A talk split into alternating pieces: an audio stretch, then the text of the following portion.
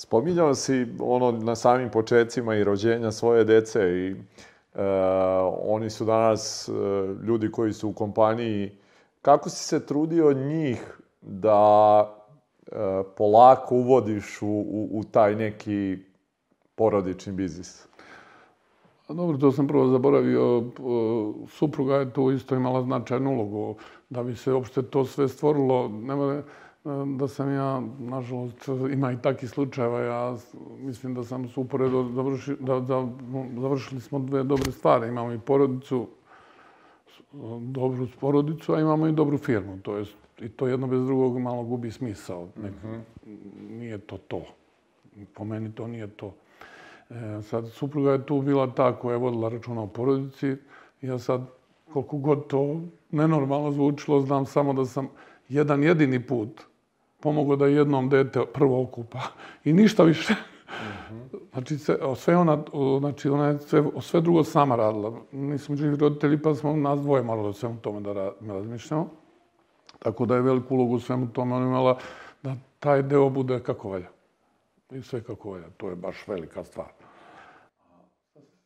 kako ste onda, kako su deca odrastala, kako ste Aha, negde e, da. gledali da. njih da uvodite? E, da, sad, e, sad tu između muža žena ima neko rivalstvo, ona je pravnik, ja sam mašinski inženjer. Ja ne mogu da objasnim to, ja, ja nisam nikom diktirao ništa, ali sam lobirao.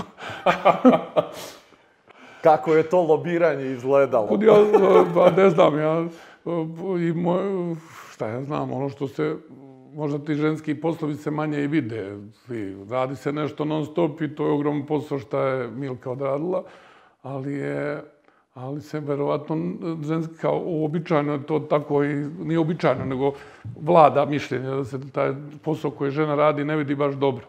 Uh -huh.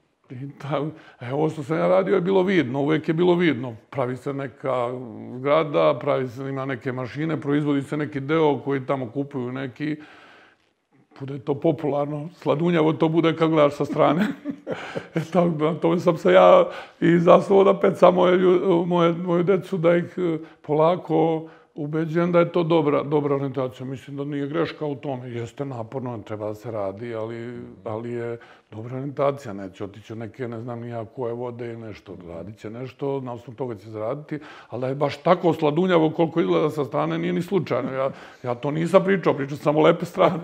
I šta ja znam, i na, navodio ih no, na, na, na to da oni mogu da rade u firmi. Tu sad čerkom koja je završila nemački jezik, ona je htjela engleski, nemački, nemačko tržište je nama isto veoma bitno. Ja sam joj rekao da je to mnogo pametnije da, pored engleskog koje je već znala, nauči još jedan jezik, su me poslušala i sad, pored toga što zna engleski, nemački, ona je i neko ko ima 7-8 godina iskustva o prodaji, ima još jedan zanimanje posao. Uh, šta god da se dogodi sa firmom, ona individualno može da god doćeš, ona vredi dosta da može da radi šta god hoće, da bude dosta situirana osoba, šta se god desilo, ako imalo pameti a ima, a ima, hvala Bogu. E sad, drugi, druge, dru, drugi su isto tako nešto završili, čerka druga završila neku matematiku sa nekim primesom ek, ek, ekonomije, tako da i to može da se uposle u firmi. Ona je čak počela da radi u austrijskoj firmi i ona je zanimljivo jedan dobar savet za, za, de, za sve roditelje. Nekako moraju da nađu pare da pošalju decu ranije nego što završe školu i da, se, da pre početka rada da znaju kako je inostranstvo. Ali ne kao turisti, nego da, da malo budu tamo, da vide kako taj narod živi sasvim isto koji mi. Mm -hmm. Sasvim isto koji mi. Sa svim problemima, možda čak negde što se tiče sloboda, kretanja i mnogo gore nego ovde. Ja sam to uspeo nekako. To mi je bila šta ja znam, satisfakcija što radim. Znači da mogu decu da odvojim novac, da idu da uče jezike negde u inostranstvu prvo, a da onda jedno vreme i borave u inostranstvu, što je slobodan bio. I ovi su, ali neko kraće vreme od njega. I mogu se da vide kako to inostranstvo i tamo te neke popularne zemlje, kao što su Engleska, Nemačka, Sjedna američke države izgledaju, ali ne iz, iz nekog turiste koji će tamo da bude 15 15 dana, nego tamo su otišli do, do najmanje 3-4 nedelje i gledaju kako to živi, verovatno. I verovatno mi to doprinulo, ma kako inostranstvo, ipak je od mame i tate lepše.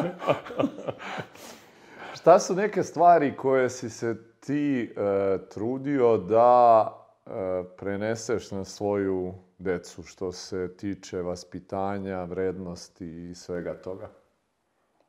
Pa dobro, normalno da budu pošteni, iskreni ljudi, normalni ljudi koji poštuju druge ljude, da budu društveni, da se, da, da, da može, da sarađuju sa drugim ljudima, da nikad ne ističu to što su sad nekoj meri nenormalno dobro zna se i zna se i može da, da se da da, da, da oni da su vlasnici neke budući vlasnici firme ili su sad potomci nekog ko je vlasnik firme, ali da to ne stavljaju prvi plan i na, da neke to stavljaju kao neku, da im to bude adut da nešto urade, nego nek, to je sad samo sebe tuje, ali da ne, bude, da ne likuju na tome. Da budu radni, da im, da im pokažem da moraju raditi, da ako misle da ovo sve opstane, bez toga nema. Ne možda ko i ja, nema potrebe kako, ali moraju biti pametni, uložiti neki trud. Ne može baš ono, ako misle 8 sati radi, to ne može. I neće nikad moći niko to da radi, nema šanse. I rekao si ti da si ti privatnik, sad nije 3 sata i ti radiš uveliko. Znači, i ne može to tako. Znači, kogod hoće neku u materijalnom smislu ili nekom standardu života da napravi neku razliku od, od proseka, mora raditi u svakom društvu, u svakoj sredini više od standardnih. Ali onako koliko sam ja morao, to ne moram. Ako se pametno organizuju ili ih ima četvoro, pa može jedan drugo i da zamene, pa mogu sebi da priušte i letovanja, i zimovanja, i možda vikende, ali ne baš svaki i tako. Uh -huh. Šta ti je kad se okreneš sad unazad e, na sve to na preduzetnički staž. Šta je najteži trenutak možda profesionalne karijere bio?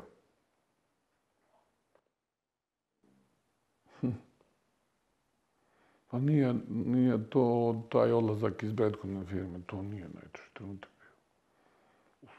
bio. Tako, e, toliko brdo problema je tu bilo da sam ja tako, ono što kažem, e, izverban za svašta da mi, ne kažem da ne može nešto da mi iznenadi, ali mm, mislim da sam spreman za svaku neku glupost i neki svaki budalasti problem da mogu da ga dočekam i da me to ne iznenadi, da mogu da budem sabran i da razmislim kako to da rešim. Tako da, mm, ja, nažalost, možda bi to izdvojio farmakom kao sistem koji je napravio jednu ogromnu rupu u finansijskom sistemu zemlje Srbije. Za poređenje, opet to mlađi ne znaju, bio je u prethodnom sistemu agrokomerc, koga su nekako upecali da je nezakonite radnje ili dozvoljeno je tad bilo, da nije bilo logično da tako radi, napravio je katastrofu sa finansijskim sistemom SFRJ, koja je mnogo bogatijom zemljom.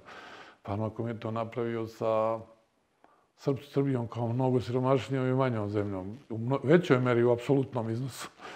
E sad, nažalost, e, ja kao mašinac, opet ne znajući dovoljno tu neku drugu stranu poslovanja, i sam se upecao da, ajde, posao, posao, posao, i u toj svojoj brzini sam prihvatio nešto što ne bi trebalo. Sam prihvatio da, da prihvatim i desio mi se tu problem da sam upao u fina, financijski problem, da su, uvučen sam ne, nesvesno tako nešto, uh -huh. da sam imao posledice toga i to sam morao da rešim. To se baš dugo rešavalo, tri, četiri godine, dok nismo popeglali sve to uh -huh. da možemo da, ovaj, da nastavimo normalno da radimo. Bilo je baš stresno, ali opet jedna važna stvar, nisu ni deca bila mala. I, ni, na sreći moja žena nije pančarka, vjerojatno bi tu i, i porodice, brak, sve pustili da, da je bilo ko drugi od, od, od drugih mojih okruženja bio. Stvarno smo na, na, im, imali ogroman problem sa, sa farmakomom i onda nisam, ja nisam, zanimljivo da ja tu prisebnost nisam, prvo, dobro, nije mi neko non stop kod kuće napadao da to što sam eto radio, što sam zezno stvari tako, to je velika stvar, a posle sam ja imao i prisebnost racionalno razmislim i da vidim šta mi je najbolje i polako milimetar po milimetar da se izlačim iz problema u kojem sam ušao. Inače, mnogo firmi po Srbiji popucalo zbog toga.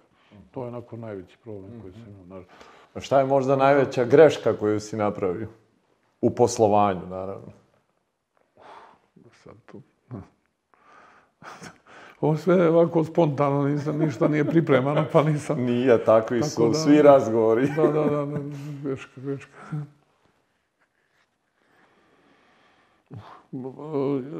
pogrešaka bilo koliko godina, uglavnom samo meni je greška ako ja nešto ne osjetim na vreme da je dobar posao pa ga ne, ne, ne, ne, ne prihvatim ni odradim. Da mi promakne. To je. To je. Rekao sam to za, bio izazov ogroman to za tu 2007. godine da uzmeš posao koji je to kad uh, mali pas od 5 kila uzme da mu baciš 5 kila mesa da proguta odjednom. Tako je to bilo, ali... Mm -hmm. sad,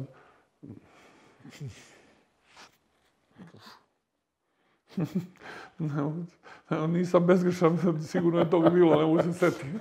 Da se setim još do kraja, pa ću već ću, ne znam. Većina preduzetnika ovaj, uglavnom kaže bilo toliko grešaka da ne mogu da izdvojim jednu bilo, i to da, jest. Da, da, ne mogu najveću da izdvojim, znači mm -hmm. bilo je grešaka, ali ne mogu najveću da izdvojim. Mm -hmm. da, to grešaka normalno ima, ideš, nosiš ga, rešavaš, šta ćeš. se nosi stvar nešto, gledaš kako što pre da to mm -hmm. izađeš iz toga. Mm -hmm. e, da se dotaknemo onih ljudi koji nas gledaju, koji su možda negde na svojim preduzetničkim početcima.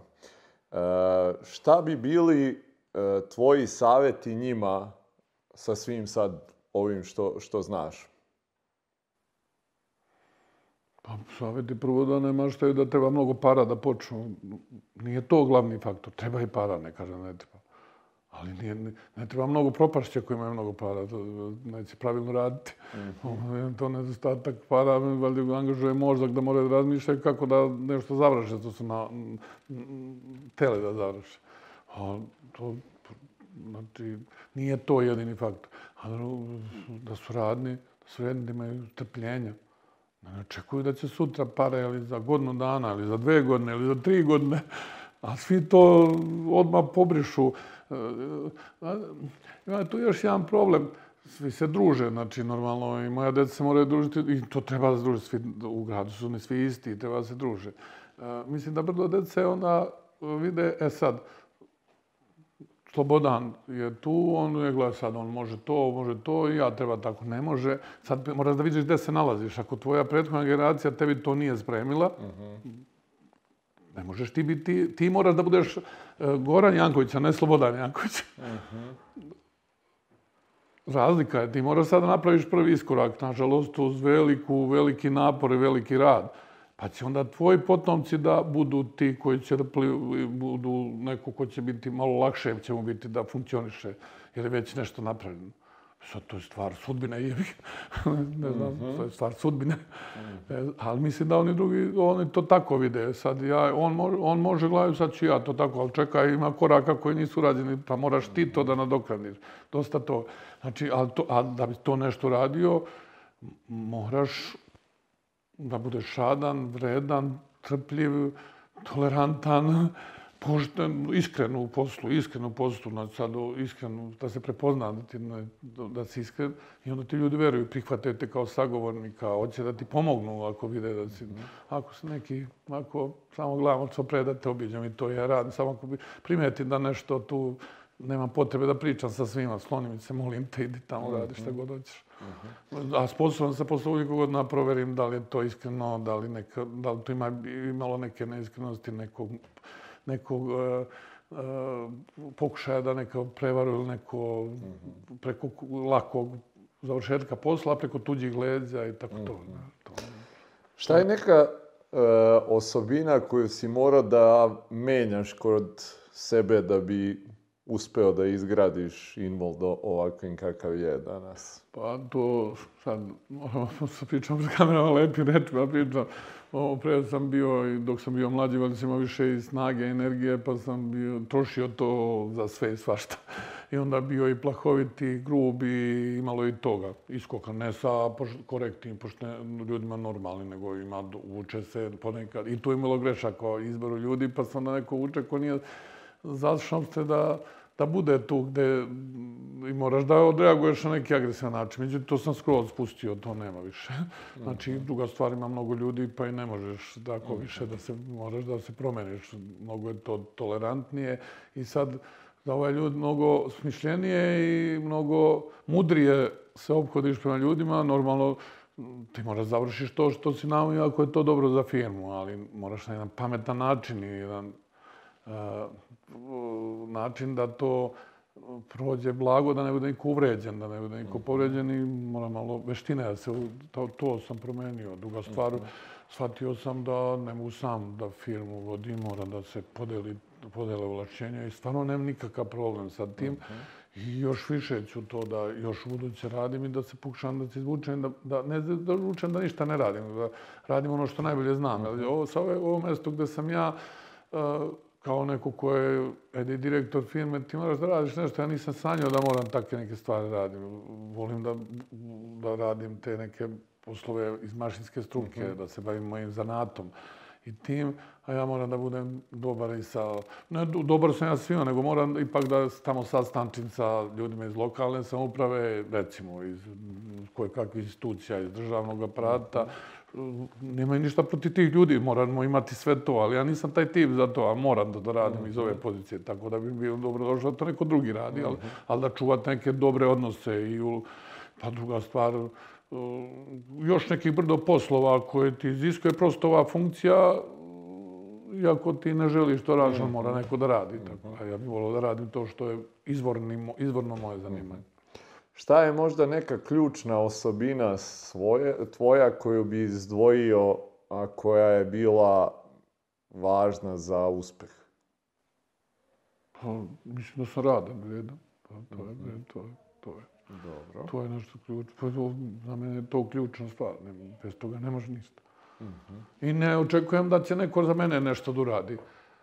Da mi pomogne, da, ali da ja nešto sad želim da sad neko drugi to da uradi, ne, moram ja biti ključni igrač tu da uradim, ne da trpam na neka tuđa leđa. A da to bude uspeh ono kao ja sam sve to radio. Mm Recimo da Invold e, zaista napravio neverovatne stvari i spomenuo sam da je kompanija koja danas ima skoro 600 zaposlenih, ako se ne varam, 78 inženjera, E, preko 40 zemalja gde ste izvozili sve. Šta je to što ti negde vidiš sad kao budućnost kompanije možda kroz narednih 5 do 10 godina i kakva je tvoja uloga u toj kompaniji?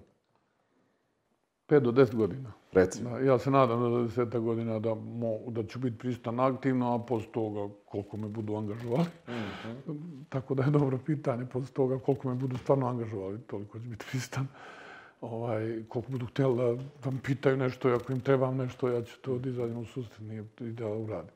A, e, šta, e, ja sam imao sreću, sreću, sreću, sreću, ne znam ja, da ja, ovo zanimanje koje se, ba, e, alatničarstvo, kao zanimanje, to je jedno tradicionalno zanimanje koje vjerovatno u nekom obliku nije se možda tako zvalo i u, i u Grčkoj, staroj Grčkoj, u starom Rimu i ne znam još gde, u Egiptu i gde god, uvek je postojalo shodno tim nekim potrebama tada.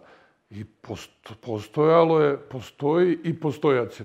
Prosto nemoguće je da ne, da ne, da nema. Znači, uvek će se razvijati u normalno savremenjavati sa nekim novim potrebama, ali će ga uvek biti. Tako da to zanimanje samo treba učiti nove tehnike, nove, za, da bi se lakše taj posao obavio, pojavilo se niz softvera da lakše nešto nacrtaš, da ne crtaš više na tabli, mm -hmm. da to lakše vidiš, da istestiraš dok je još u virtualnom svetu. Sve te nauke i sve te softvere treba savladati, to moji inženjeri već uh, stalno pratimo, to nije problem. Financijski, mi ne možemo možda da imamo sve mašine, mada sad dobri su, dobro se kotiramo i u tome, da imamo dosta dobro oprema, ali, ali u tom stelu softvera to su već novčani izdaci koji su nama pristupačni, moguće da ih finansiramo, tako da inženjeri to sve prate i firma to prati i u trendu je sa svima, ne vidim ja da neko u svetu može, da, da smo mi nešto trčimo za nekim, ravni smo s njima, sve što oni znaju, možda smo čak u nekim stvarima i bolji. Bilo koju firmu da izvojite, bilo koju odakle god dođete sa koje god tačke zemaljske kugle. Znači, pratimo to i znači, ovaj posao će biti. Samo što će se osavremenjivati da se može brže, lakše, bolje odađivati u budućnosti i odađivati ono što traži taj trenutak. Ne, ako pratimo razvoj kroz posjetu sajmovima, firmama, tim nekim udruženjima. Imamo članovi smo Nemačke asocijacije alatničara, pa smo tu pricrni, imamo literaturu iz svih zanimljivu za naše delatnosti cele Evrope na raspolaganju dobijamo, imamo informacije šta se dešava, razmenjujemo iskustva, angažujemo neke stručne savjetnike u, i u vezi ovog posla, vezi alata, tako da ćemo ovo, kogod bude vodio, ako, je, pa, ako to pametno bude vodio, ima posla u toj oblasti da se razvija, da proizvodi alate koji su koje kupuju dobri kupci, koji dobro plaćaju i za, koje, za novce koje zaradio može da se drži dobar standard firme, a i lično, svih zaposlenih. Imamo drugu delatnost, to je roboti. To je tek jedno zrnce, to je nešto što je možda pre bilo više zasnovano sve na ljudskom radu, nije neka automatizacija, bila to možda i do 60. godina bilo dosta prisutno i možda i kasnije sad sve automatizuje i sad bio kao, tamo imamo skupu radnu snagu u Nemačkoj, u ne znam, ovo, pa mora roboti da menjaju. E sad došlo vreme da je skup i ovaj naš čovek ovde, koliko god da je jeftino, on je skup. Prosto je tako neko vreme naišlo i ti, te potrebe za koje kakvim automatizacijama mi radimo samo jedan mali, mali delićak. E, slično je sve ostalo, tako da mi možemo veoma lako se proširimo, ne samo ovaj deo u, u proizvodnji tankozidne ambalaže, nego možemo sporočiti na bilo koju automatizaciju, bilo gde, u tamo proizvodnji boja, tamo, da, da, u rudarskoj industriji, bilo gde, bilo gde. Slit, isti su principi pristupa poslu i ovi inženjeri koji ovo rade mogu da rade i da rešavaju probleme u bilo kojoj, u farmaceutskoj industriji, u, može vam biti hvalisav, ali nije. I oni tamo vidim da roboti negdje i operacijama nešto rade, robot radi. Možemo i tu da prisutno znamo šta su, šta je to sastavni element tih robota koji i to rade. Tako da široko polje, široko, široko mnogo. Samo je stvar do nas da li ćemo mi da ulažemo u razvoj, da pravilno organizujemo firmu, da pravilno tretiramo ljude.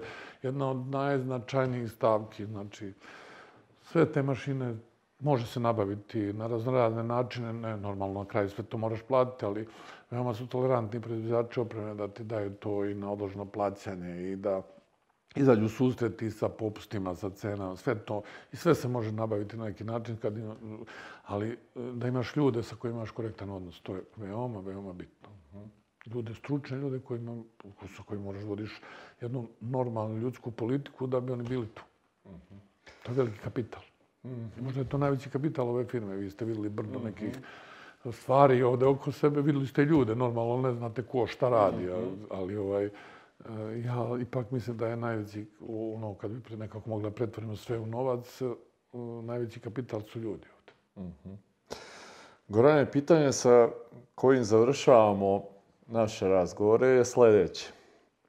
Da imaš priliku sa svim ovim sad što znaš, da se vratiš, da budeš na kratko, recimo, mentor tom Goranu iz 93. četvrte ili tako nešto. Šta je to što bi mu rekao?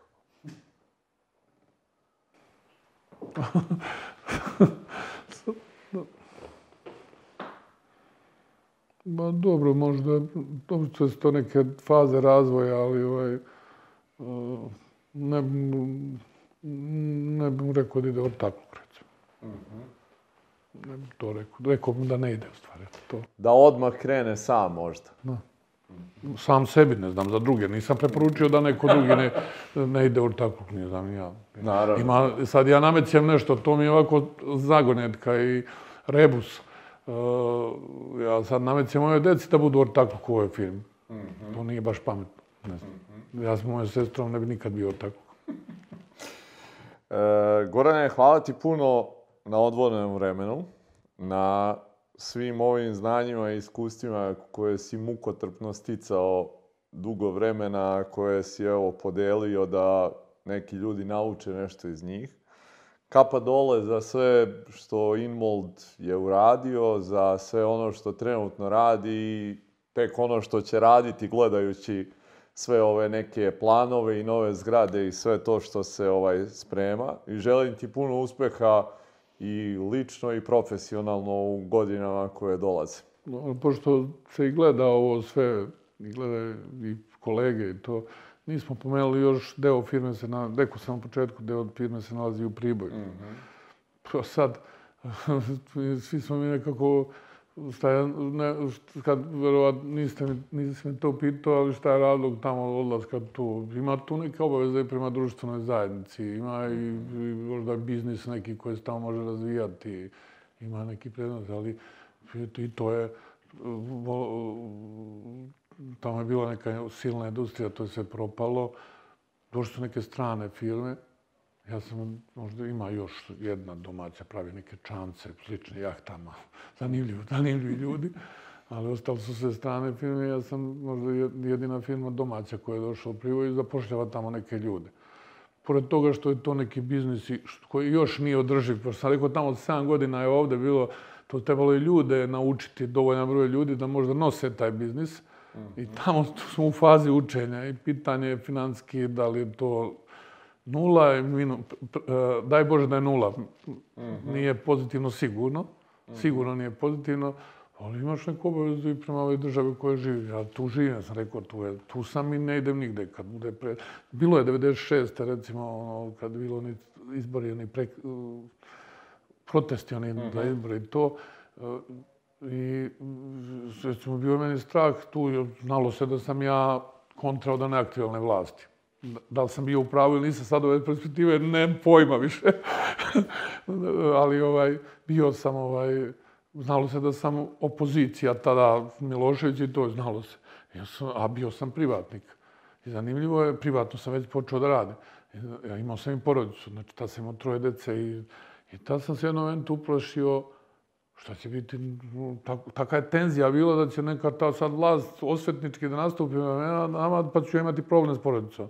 I onda sam bio spreman, ako se to išta desi i nazre, da ćemo da bude, pokupim sve i da idem, de, nemam pojma, od samo dizajnje zemlje, pa ću vidjeti šta je dalje. Mm -hmm. Međutim, to nije tačno, niko nikad meni jednu šut, reč, jednu reč pod tom osnovom bio, nije, nije rekao da ja imam neki problem po tome, ko, koja god balast da je bila, ja nisam imao nikakav problem, to su neke zablude koje narod umišlja, bare po mom iskustvu, možda neko ili ja sam možda imao takav stav da niko meni ne, pri, ne, ne, pri, ne pomišlja da kaže tako nešto, tako da nisam imao problem.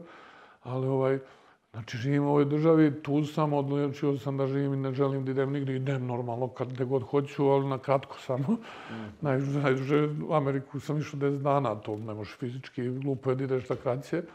A ovaj, i vraćam se kući i vraćam se u svoju zemlju i onda sam neka obaveza prema to postoji da ti nešto, ako si tu, moraš toj zemlji nešto dati. Uh mhm. -huh. I to je nešto što ja hoću da se razvija. I doći će i firme, imat će koristi od toga, ali sad dajem da ti ljudi mogu da funkcionišu i rade i da to bude moj doprinos svemu ovom. Hvala ti na tome, mislim da su to jako lepe reči, onako da završimo ovaj naš razgovor i da onda u nastavku čujemo i drugu generaciju šta oni imaju da kažu. Hvala ti puno, Gorane, na svemu. Eto, hvala i mama.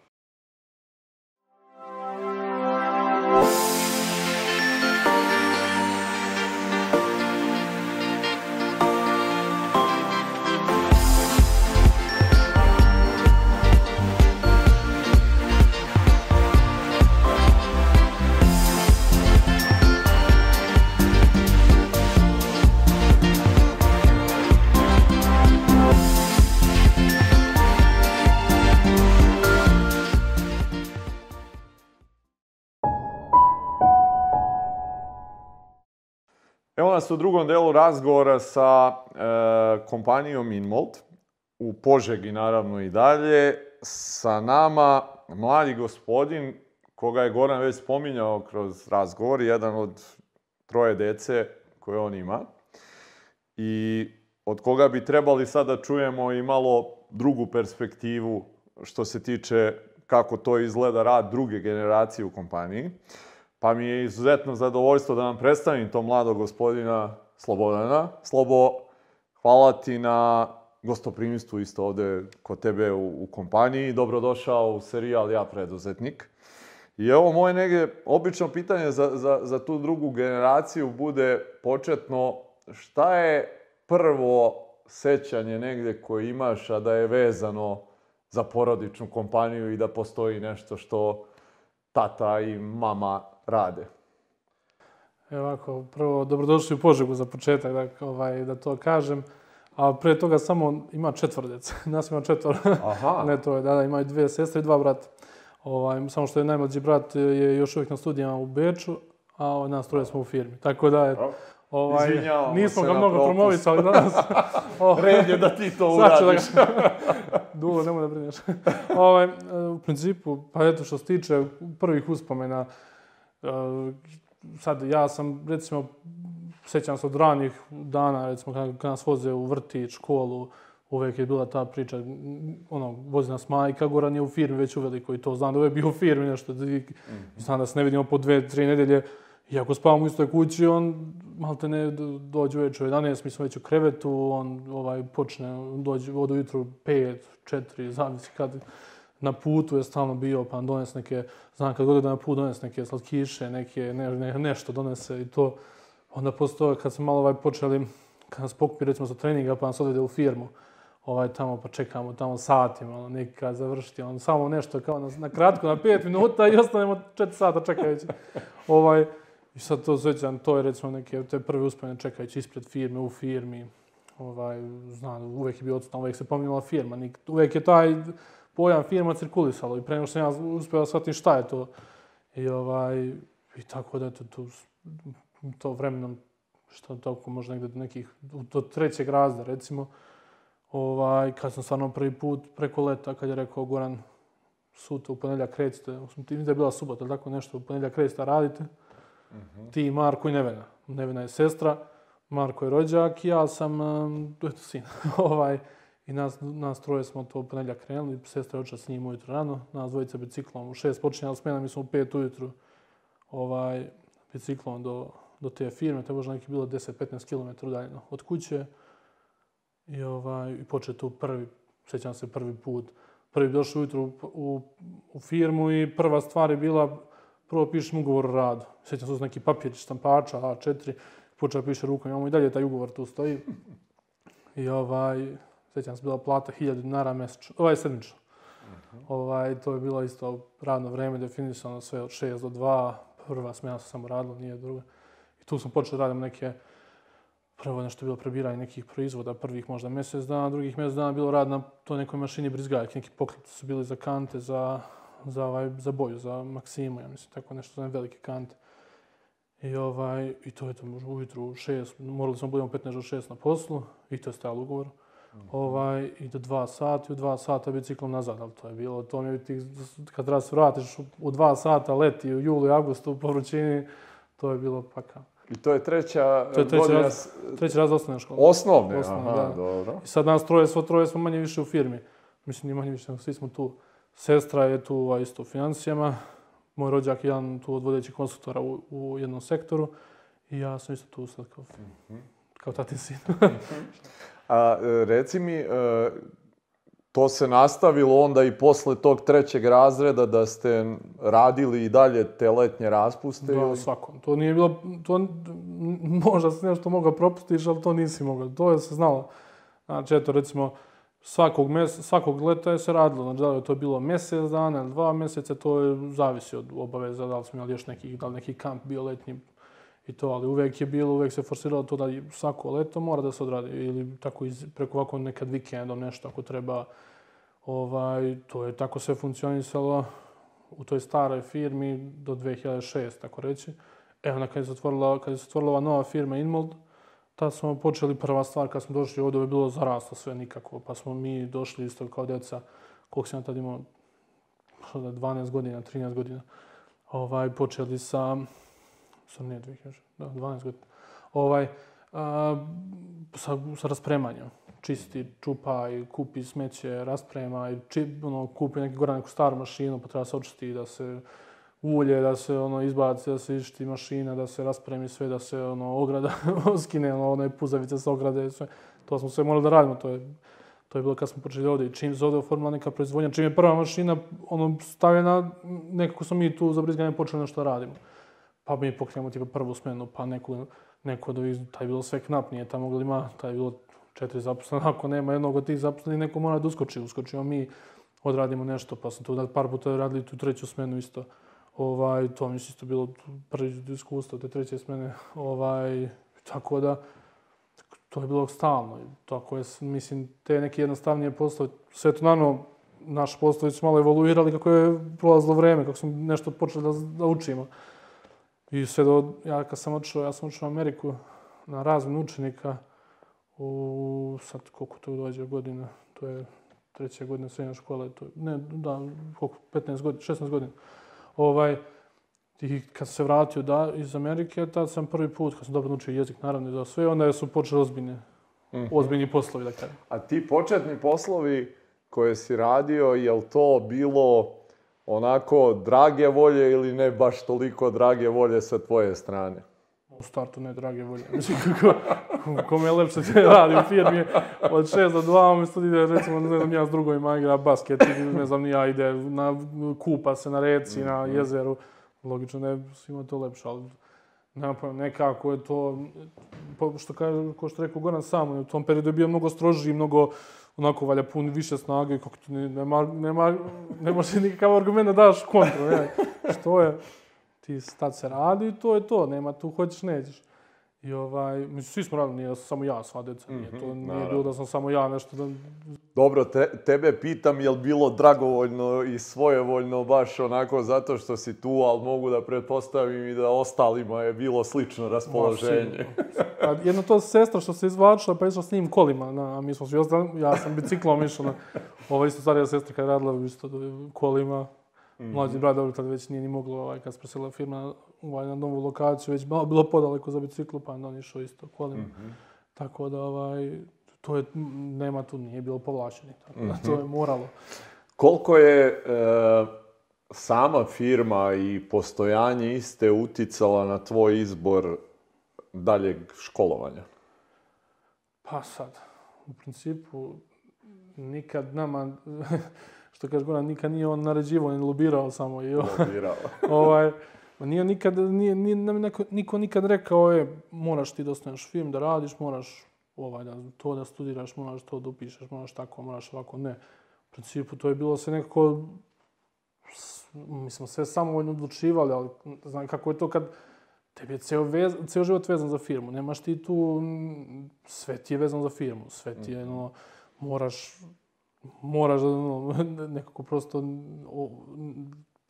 ta tvoja e, emocija, sve te veze za to, ona prosto odlučuješ u skladu s tim. Mm -hmm. Nema nekako je to nekako tako kad toliko od, os, od, osme, od osme godine do tog kad upisaš fakultet, sad do 18-19 godina, prosto te veže do, mm. samo o tome razmišljaš i neko logično ne, to poznaješ, to znaš, to nekako vidiš šta su radili ljudi, vidiš šta rade ti mašinci, znaš, i prosto je na taj način ovaj, se odlučiš mm -hmm. milom.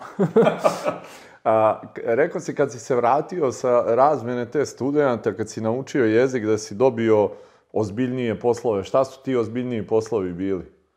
Pa ovako, ja sam prvo, to prvo za Ameriku, to je zanimljivo. I to, to da sam osjećao kao da mi je smesti. Ja sam, kad sam bio na razmeni učenika, ja sam uh, završio kod, ovaj, kod penzionisanog pukovnika američke vojske, koji je bio instruktor u West Pointu. To je, to je njihova kao akademija za, da, za vojsku, marinci, za vojsku, vjerojatno. I ovaj, to je tamo čovjek, ja sam mislio, ja, ja sam stvarno za sebe mislio, nisam nikad bio razmaženo dete, ali tamo kad smo, ja sam shvatio, sam ja mamin sin i to je to. Čovjek me prevaspitao tamo, ovaj, nekako sam prosto se tamo promenio dosta i, i tamo je glavna stvar njemu kod njega je bila no free lunch. I to je svuda uvek, svaki dan ponavlja no free lunch. Radi se, ima tempo, sve je bilo minutačno tačno zna kad, šta, kako i, i ovaj, čovjek se izmeni promeni. No, ti da dođeš ovde, nešto kao u Srbiji ovde, pa ne, ne, da mi se nešto buranije, ne mogu ovo, ne mogu. dođeš tamo, ne, dece, ne moraš da ideš.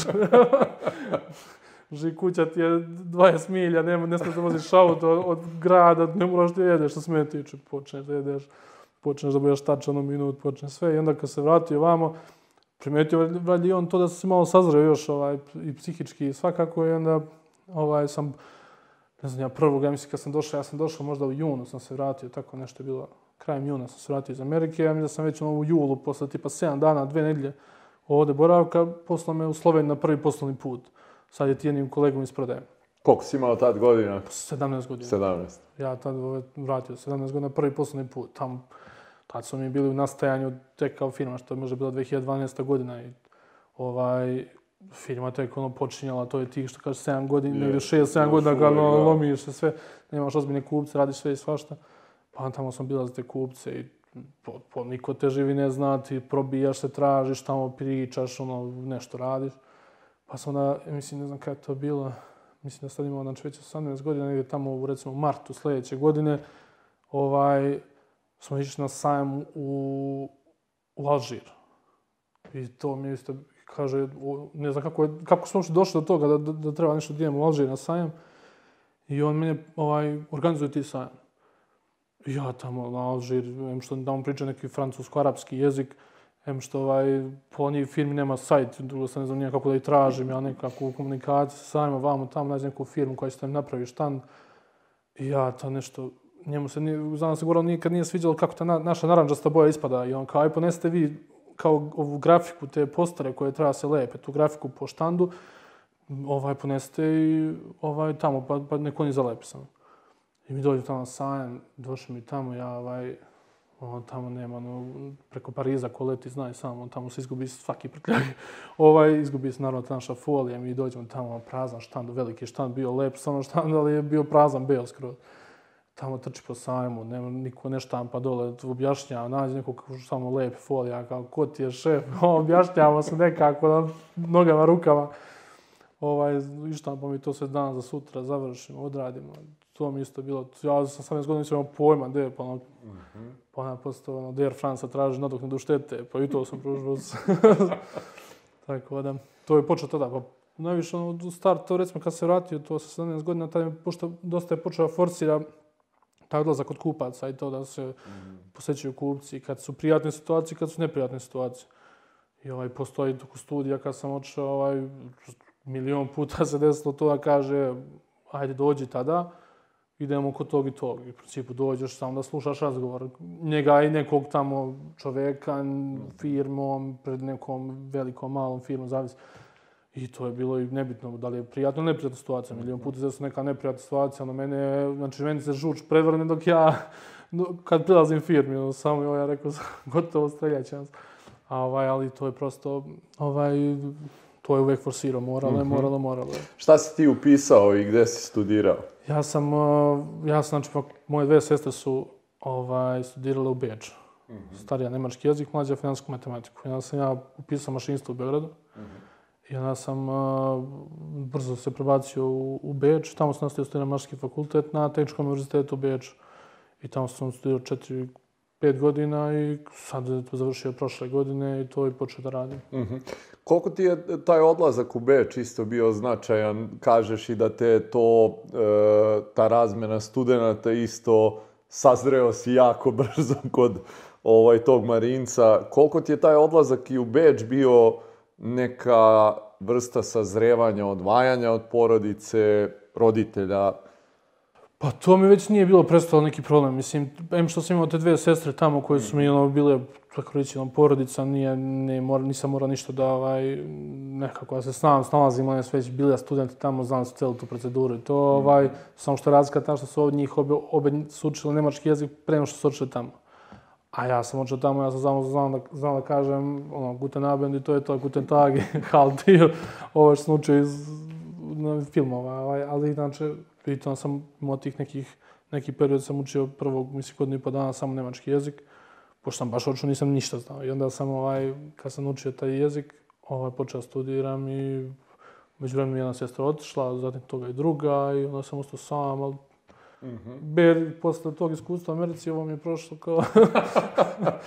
A reci mi, dok si bio u Beču, je li bilo dolazaka i dalje ovde u firmu konstantno? konstantno redom, da. Pa nama je to, ja sam, kad sam se, kad se, kad se na tom ovaj, sajmu u Alžiru pokazao, onda sam manje više postojao sve sajmove ja organizovao i onda sam bio tu, ovaj, malte nama je ta sezona počinje od oktobra, tih sajmova i nešto u maju, pa oktobar, i to je, su, kaže, dva ta perioda kad najviše ima sajmova. Tu sam dosta putovo išao, dolazio kad god treba. Isto tako kad neko bitno dešavanje u firmi dolazim, kad ima neko ovako bitno dešavanje, nego ona misli da ja treba prisustvujem, isto tako dođem tu, putujem. Išao sam sto puta, pošto moj otac znači ne priča engleski, ne priča nijedan strani jezik, znači ovaj, proputovao je sve živo. Proputovao ne znam koliko zemalja svijeta, gdje se slupio od poslove. Ovaj, pa smo išli mi kao prevodioci, najviše forsirao nas kao decu. Imao je oni plaćen prevodioce i sve, ali neko od nas se forsirao da idemo s njim. I ovaj, nas smo tako išli prevodili, išao mm. često ja sam, mislim, znači išao od svih. Ovaj, tako da... E, rekao si da si po završetku studija prošle godine, jel tako, se onda i zvanično vratio i zaposlio u firmi. I šta su ti tad bili ti neki početni zadaci? Pa ovako, to kad dođe čovjek, ovaj, ne bi, mi smo, recimo, kad počne čovjek ovaj, dođe u firmu i sad, ja sam manje više sve te neke segment, sektore firme prošao davno mm -hmm. i, mhm. i od montaže, od, pro, ovaj, od ovaj, proizvodnje i alatnice, sve, sve sam znao nešto pomalo. I u suštini ovaj, već tad bilo, tad je, nije, nisam ja mogao sada počinjem, ko što mnogi počnu od magacina, pa idu dalje, ja sam to mhm. već bio prošao i mm -hmm. znao sam površno, moram ja sad znam sve do detalja. Mm -hmm. I druga mhm. stvar, stvari kojima se mi bavimo su mnogo komplikovane da bi ga ti povr, da bi ti nako, na, brzini, na brzini nešto naučio. To ako će budeš inženjer stručan, ti možeš budeš 5-10 godina to radiš. Mi smo znali da ja nemam, tih vremena, nemam tog vremena, Jer moj otac je onako dosta istošen čovjek i on prosto je sam rekao, moraš da počneš da radiš neke stvari sa mnom, da učiš organizaciju, da učiš se menadžmentu i to je to. A ovo si dovoljno što se nauči, nauči, stavit ćeš naučiti u, u, u, u hodu i to je to. Mm -hmm. Ovaj, I onda sam počeo, koji svaki tatin sin, prvo zamjenik direktora dobio titul.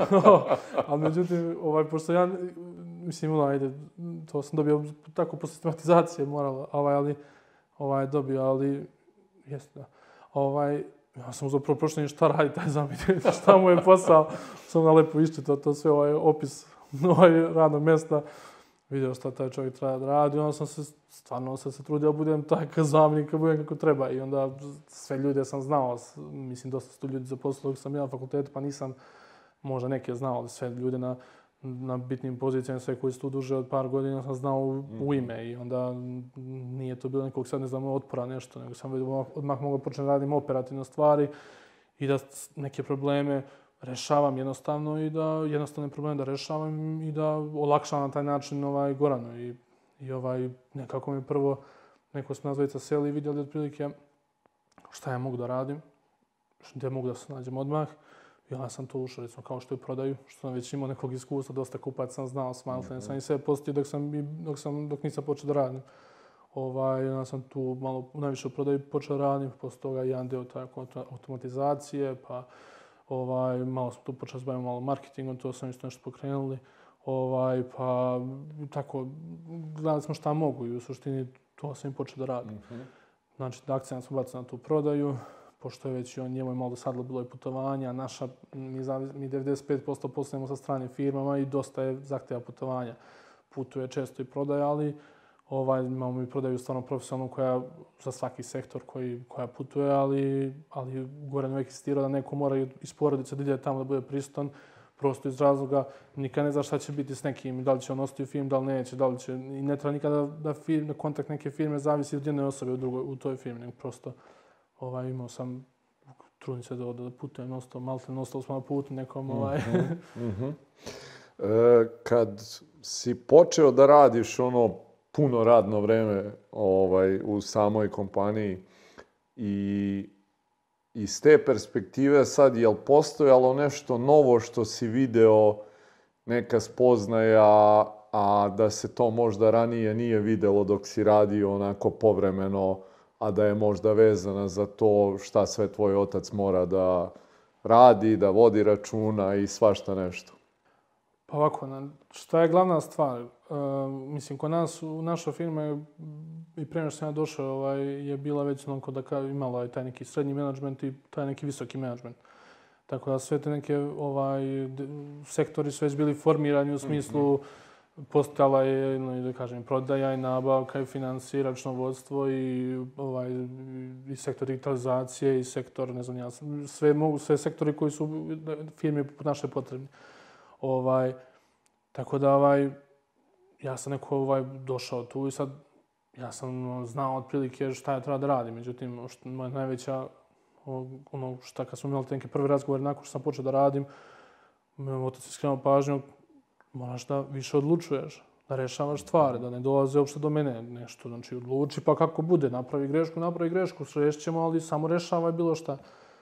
I onda mi je to bilo najveće, ovaj, najveće otkriće bilo to kad dođeš, i sad shvatiš, kad neka odluka dođe do tebe, da treba da doneseš odluku, nema dalje, nemaš ti, nema koji. Za tebe je samo Goran koji može da, ako ne odlučiš ti, ponovo ćeš na, ovaj, nagrabustiti u suštini, ima, ovaj, nećeš, imaćeš problema zbog toga što nisi odlučio. Prosto vidiš da ti taj koji mora da odluči nešto.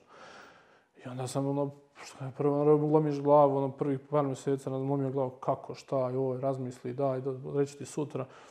I onda sam shvatio da nemotka nema ništa i onda sam počeo što odlučujem odmah i sad i rešavam to ako mogu što pre, čisto da, da skinem sreda i ako pogrešim, popravit ćemo, imat ću više da popravim ako ništa. mm -hmm. Tako da, ovaj, što kažu, to je, mm -hmm. prosto ta neko saznanje da više nema, ne možda proslediš nekome, mm -hmm. nego ti stane do koja dođe odluka i kad to dođe odlučiš mm -hmm. i završiš.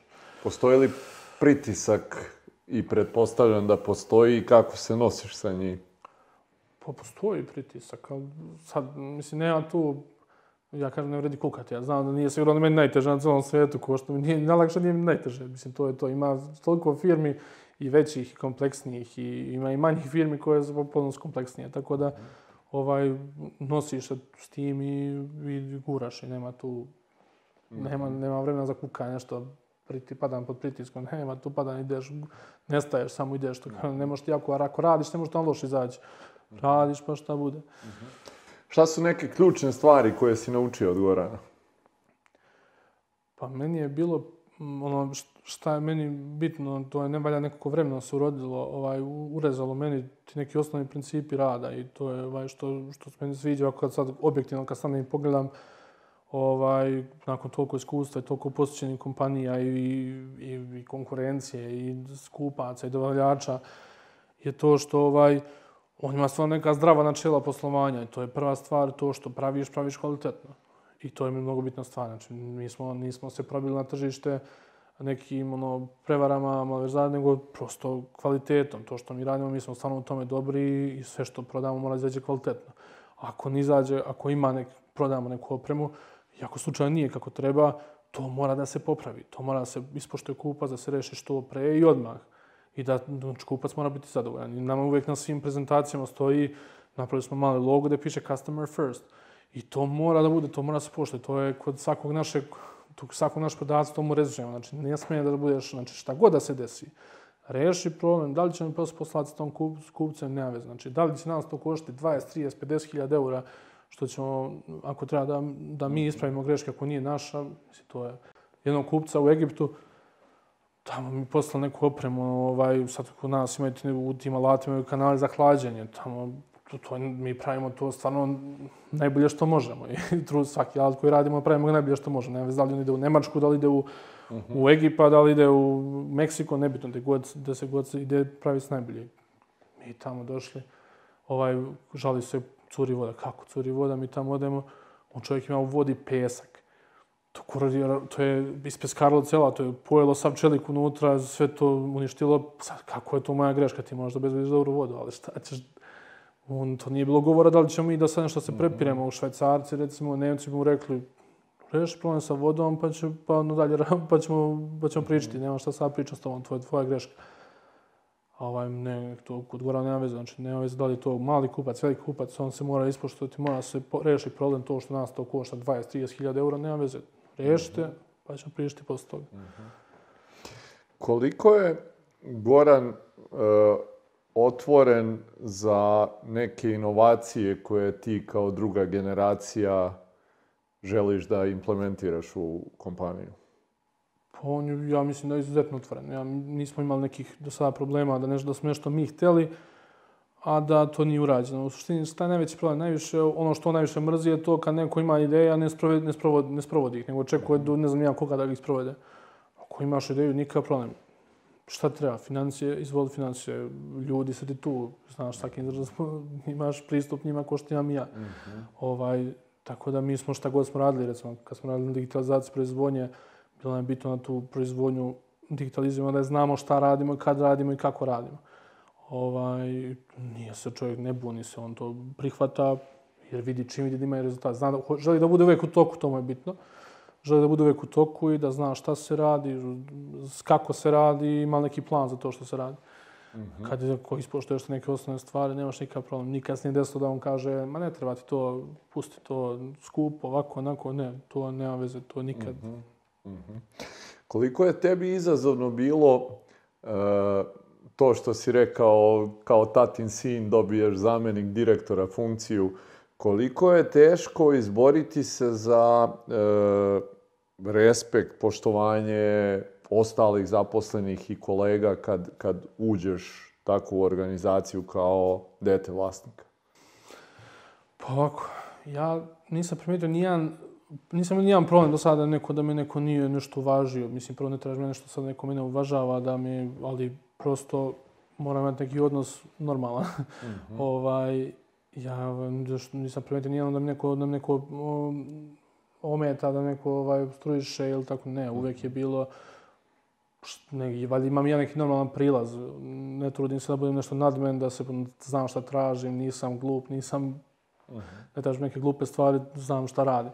A druga stvar, valjda ljudi su i shvatili da, da im, da im je firmi lepo i da tako će da im bude dalje lepo, da firma mora da postoji. A da bi firma postojala, neko mora da je vodi. Sad, najvra, najveća vjerojatnoća će to biti ja, mislim, ili mhm. neko iz porodice, deca, neko od nas. A ovako, tako da nekako je to... -hmm. ovaj, druga stvar, ja sam sve te ljude poznavao vrlo dobro. Nema tu, niko nije došao da ja nisam upoznao njega da nisam bio mnoge te, ti, recimo, šefovi svih sektora, Ja ne znam još iz prošle firme, kad sam kao dete trčao tamo, nosio poklopčiće i ostalo. Mm -hmm. Tako da mi se svi znamo i nekako je... Mm -hmm. Ovo, nisam, ni, svi su bili tu od pomoći, mm -hmm. niko nije pravi nikakav problem. Mm -hmm. Sad, valjda neće do sad biti, ali... Mm -hmm. uh, sad kad ste i ti, Goran, zaposleni u firmi, obojica, koliko vremena stižete, da to tako kažem, da provodite jedan sa drugim? Pa, Pa sad, nema, recimo, preko sam živio, ovaj, dok smo živjeli na istoj adresi, ovaj, da smo neko imali to neko večernje vreme zajedno, da li to bilo 10 do 12, pa smo tu pričali, ovaj, ali, ali sad, recimo, kad smo u firmi, ne znam, na, često se susne, recimo ima neke te razgovore zajedno, pa onda sednemo pola sata, sat, u toku radnog vremena popričamo svaki dan o nekim temama, ovako ne, što, što je tog dana ovaj, u, na, na redu, i dalje praktikujemo to, posjećujemo zajedno da pričamo. Ovaj, da li on to, ja mislim da on u suštini želi da nekako prebaci to, vidi da, ono, da, da vremena su ti neki kontakti prebaci na mene i da, i da, ovaj, da nekako to neku, da upozna mene s tim ljudima nekim koji, koji smatra da su bitni, pa tako da uvek kad god ima nešto da nisam bio, koja nisam upoznan, trudi se povede mene, pa onda idemo tako, provozamo se zajedno. Mm -hmm. Bez vozača odemo nas dvojica i pričamo, tako cijeli dan provedemo ovaj, pričajući to neko najviše vremena kad provodimo zajedno. Ovako, inače, to trudimo s to vikendom. Ovaj, da je imamo jedan ručak večer zajedno. I ovaj, porodično. Mm. Ali ta je zabranjena priča je, o firmi. to sam sad htio te pitam. Jel bude tema biznisa da se pojavi ili ste baš ono striktno zabranili? Pa, joj, pa pojavi se tu uvijek nešto, ali, ali se stvarno trudi, vidi se da, je, vidi se da se, da se neko se isključimo ovaj, nema tu, prosto ne, mo, ne može da izbegneš kompletno, ali nekako se tu provuče. Da li je to direktno vezano za biznis ili nešto što dešava oko biznisa, ali nekako tu kontaktuje firma. Ovaj, ali bitno je stvarno da ovaj, neko imamo, da se ne vrti se baš sve oko firme. I, mm -hmm. i to, je, ovaj, to se trudimo da, da barem 90% vremena ne pričamo o firmi kad smo tu neki na, zajedno. E, kako i koliko uh, tvoj radni dan izgleda sad? Pa ako, ja počnem da radim negde od recimo 7 sati, to mi je, ovaj, to mi je, da ga, početak radnog vremena. Ovaj, trudim se da ujutro prvo rešim te neke goruće stvari što se dešava, recimo, znači, rad sa ljudima i to je to nekih, ovaj, do, ne, do nekih od 7 do 12 da odradim što više sa ljudima i to da, da dok su svi sveži da neke probleme, neke planove, neke projekte da, pro, da popričamo s, da ovaj, dok su svi tu još. Uh, posle toga, ovaj, uglavnom se tu stvori neki, recimo kad dolaze gosti, ali često baš imamo goste, ovaj, tu, ovaj, recimo i kupci ili dobavljači, nebitno, to se obično dešava tako oko podne, posle podne. I ovaj, ja lično volim kad završim, kad svi odu da sednem i do miru, malo radim ovaj, što treba da uradim, da li da šaljem neke ponude, da li da, da, da čitam, da pročitam nešto vezano što, za posao ili ovaj, to, je, to mi neka, ili da neki recimo, šta sam još od Gorana preuzeo, ako imam neki, neko nešto ja popričam s nekim nešto na miru, da to ostavim za uveče. I tako isto i on. Sve to nešto, neke bitnije stvari koje ima pričati s nekim jedan na jedan, da priča uveče oko 7-8, tako nešto i ostalo meni. Ja kad imam nešto, ja nađem se s nekim u 7, zovem u firmu, pa pričamo, ili neki razgovor za posao, to uvijek ovako bude negdje u popodnevnim satima. Mm -hmm. Znači, budu radni dani po 12 plus. Ma da, pa dobro, ne može, ne, može, ne znam, ne, teško je baš, ne mogu, ne mogu ja sad kažem da radim jako Goran, u suštini, ne, to je, mislim, i on je sam malo smanjio, ali, ali ovaj, s, prosto ne može, ne može ti, ne, kratak je dan da u ovolikoj firmi da, da sve stigneš da radiš 8 sati, mislim, baš teško. Moraš barem 10 da ostaneš, znači da gori zemlja moraš, prosto ne, promakne ti vreme i ne paziš na vreme i samo prođe. Mm -hmm. E, Goran je spomenuo, kad sam ga pitao negde tih 5-10 godina, da je to otprilike negde vremenski period da, da on vidi sebe i da će se povući, pa ako ga vi budete tad pitali za nešto, da će gledati da bude na raspolaganju. Postoje li neki razgovor i plan što se tog dela tiče uh, transfera sa, sa njega na, na vas kao decu zajedno unutar porodice da ste razgovarali o tome? Pa pričali smo u suštini, ima neki plan određeni kako da neki, neke celine firme da se preuzmu ono, recimo u nekom u naredne dve godine. I da se prvi odgovorni tu da budem ja i glavni nadređeni. Ovaj. Ali prosto to ima neki sad plan koji je recimo dvogodišnji plan i da nakon toga ovaj, deo po deo, jednu po jednu celinu, dok, dok to ne, da li ja, da li moj brat ili ko već, ne preuzmemo to do, ovaj, do kraja. Sad, da li se Goran nikad povući, ja čisto sumnjam. Realno. Ima javnost imaš da se povuku, da rekao, ja više ne dolazim u firmu, od sutra idem u penziju, nema. Ovaj, a isto da kažem, ne bih ni voleo. Mislim, to je po meni takva neka riznica ovaj, znanja, iskustva da je, ja kažem, sto puta se desi, nešto razmišljaš, neki problem, nešto je dešava, ti razmišljaš, lomiš mozak, kako, šta, smisliš neko rešenje i prezentuješ on kaže neko drugo rešenje koje je toliko logično i toliko jednostavno. A ti razmišljaš kako, ti, kako se ja nisam toga setio. E onda to prosto što bi, što, nema potrebe. Nije, ja kažem, imam stvarno, upoznao sam ljudi, znam ako dosta i do te druge generacije koji imaju problema sa roditeljima, da su ljudi napadni, ne sklanjaju se, sve se meše, sve kontrolišu, sve blokiraju, sve sporavaju. Ovaj, ali kod nas nije tako stvarno. Nemamo nikih, nismo ograničeni ni sa čim i to je po meni mnogo bitno i ovaj, drago mi da je tako. Tako, zbog toga nemam neki pritisak da mora to da, da, on, da on se skloni da bismo mi mogli da procvetamo. Mm Procvetat ćemo mi, ako smo, ako, ako smo vredni cveta, mi ćemo procvetati dok je tu. Ako nismo, ne, može se skloniti sutra, džaba. E, šta bi možda tvoj savet bio za, e, pa ajde, i prvu i drugu generaciju što se tiče te, te e, specifične situacije da, jer vreme za tranziciju ili da, da ona treba da dođe u nekom narednom periodu? Pa ja sad baš, ovaj, skoro sam nešto pričao, bili su neki veliki dobavljači, pa bili su iz njihovog borda direktora, ovaj, ljudi, pa su pričali ovako generalno kakav je stanje s konkurencijom, pošto nama dobavljači, pa vidimo kako je ovako stanje, da li se poveća broj, smanjuje, koje, da li jačaju, koje države jačaju i ostalo. I neki trend u našem poslu je da, da se smanjuje broj firmi. A, recimo tu, recimo neki oni hotspotovi za naše alatničarstvo su Nemačka, a, Portugal, Austrija, Švajcarska. I tu se smanjuje broj ljudi, broj firmi iz razloga što nema ko da ih nasledi. Jer su sve te firme počele negde tamo, recimo tamo, tamo 70-ih, 80-ih, 90-ih. Ti ljudi osnivači odradili svoj životni vek, radni vek, I prosto sad su došli u situaciju kad vide da nema ko da ih nasledi. I ovaj, i prosto shvatili su ono, ili kupuju, ili propadaju, zatvaraju firme, ili kupuju neki, ovaj, neke druge, ovaj, neke veće grupacije tih alatnica i ostalo. I ovaj, zato ja kažem, nezgodno je, skoro smo baš pričali sa jednim čovekom, ovaj, radno, ponudili su nam da otkupimo tu jednu firmu i ovaj, kažu, čovjek ima 60 nešto godina, nema I kaže, ovaj, mm, je, od, jedan sin moj, mislim, ne znam, ja, jedan sin je valjda ekonomista, drugi je možda čak i advokat. I kaže, ovaj, pitao me sin Jan, kaže, tata, koja je tebi izlazna strategija? Kako ćeš ti, šta je tebi plan? Imaš nešto, radiš po ceo dan, šta je tebi izlazna strategija? Tako da ja kažem, predlažem svima, razmišljajte o toj izlazu strategiji.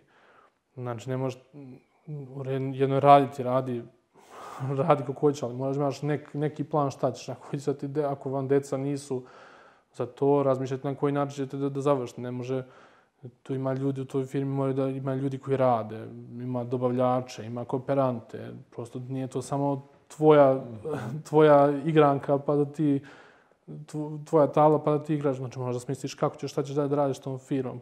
To je predlažem prvoj generaciji. A drugoj generaciji, ja iskreno kažem, ne znam, ja ovaj posao stvarno obožavam. Volim dođem u firmu i nije, stvarno nije mi nikad dođem u firmu kad god treba i uveče i ujutru da putujem kad god treba. Volim taj posao, ali, ali isto tako znam pa ljudi koji rade to više i znam ja čega. Što po meni nije, ne treba, ne, ne, ne, ako nemaš želju da to radiš, mislim, ne treba da se baviš time. Mm -hmm. Ako, ako, ako želiš da se baviš time, onda se uključi što pre.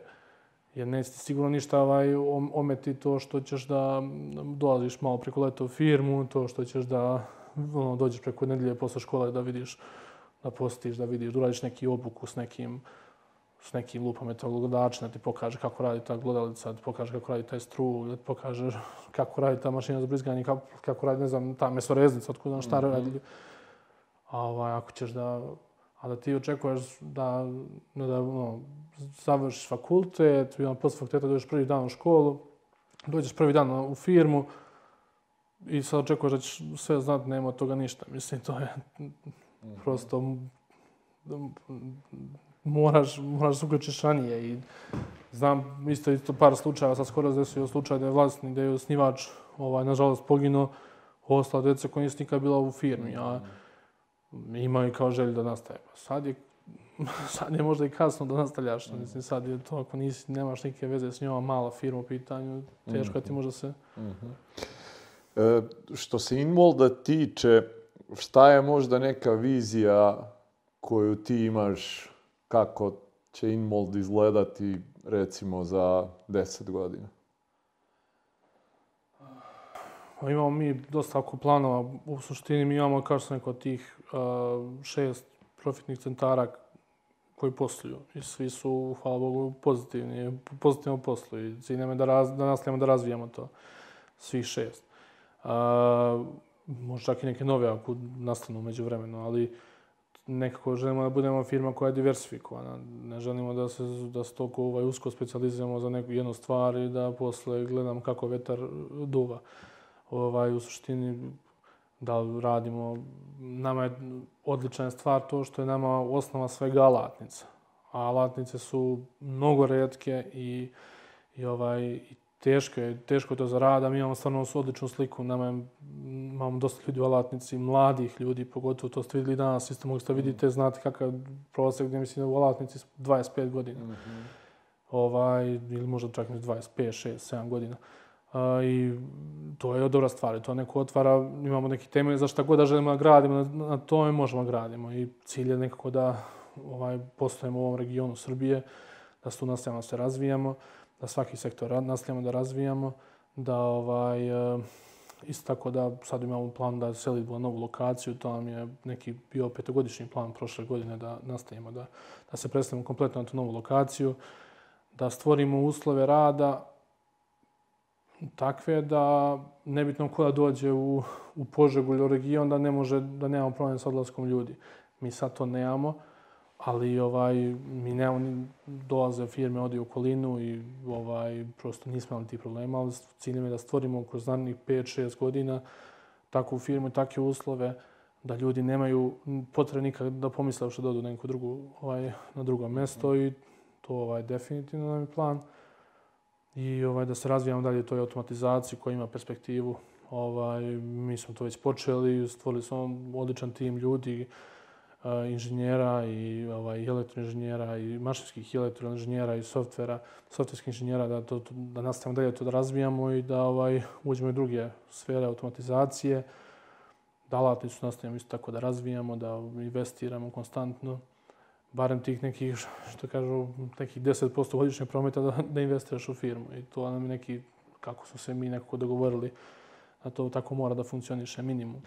Ovaj, I to je da je to je neki način što je nam se i sada za ovako kratko vreme, mislim, 15 godina kako postoji firma je kratko vreme. Mislim, to je neminovno. Pogotovo kad pomisli neke naše konkurenti su stari po, ne znam, ja, 50-60 godina koristili CNC mašine, ne znam, nija, 80-ih, a mi to sve počeli da koristimo 2007. 2008.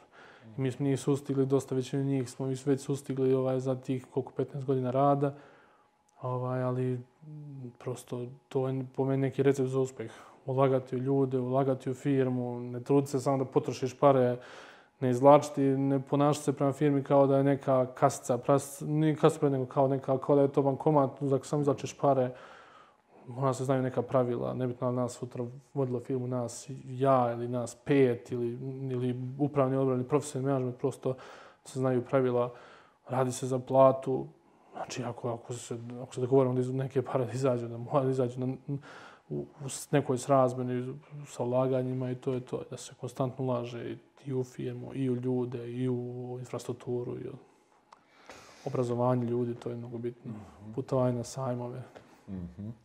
Slovo, hvala ti puno na isto ovim podeljenim tvojim nekim razmišljanjima i znanjima i iskustvima vezano za, za to kako je perspektiva druge generacije.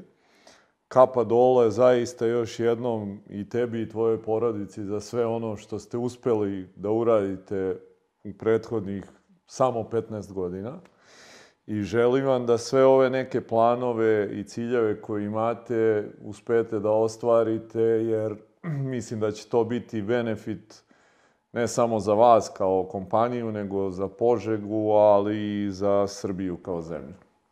Eto, hvala i da se zahvalim što radite ovu emisiju. Mislim ovo izuzetno od velike važnosti, ne samo za Srbiju, ne samo za nas koji se tu ovaj, pričamo, nego i za generalno i za samu Srbiju i za omladinu, ali mogu, imaju priliku da vide u suštini da, ne, da nije iza tih nekih firmi koje, pored kojih oni prolaze, za koje čuje, za koje, koje vide u državnom centru, ne stoje neke bavarogije, neke korporacije, neki, nek, to su normalni ljudi koji su isto tako krenuli od ničega i došli do nečega i ovaj, prosto samo nekim vredom radom, nije to niko njima bacio s neba, nije to niko njima poklonio i to je izuzetno bitno po meni i hvala na tome što to radite. Ja sam gledao vaše emisije, od, počeo sam odavno da gledam i drago mi da sam već tu sada i došao u situaciju sedim. Ja sam I... rekao, za 10 godina treba ponovo, da bi 10-15 godina ponovo sednemo. I ako ova firma bude postojala, znači radimo još kako treba. Ako, ako ne bude, šta ćemo? Znači, onda nismo bili za to. Biće mi zadovoljstvo. E, hvala ti još jednom i hvala vama što ste bili sa nama. Vidimo se sledeće nedelje. Prijatno. Pozdrav.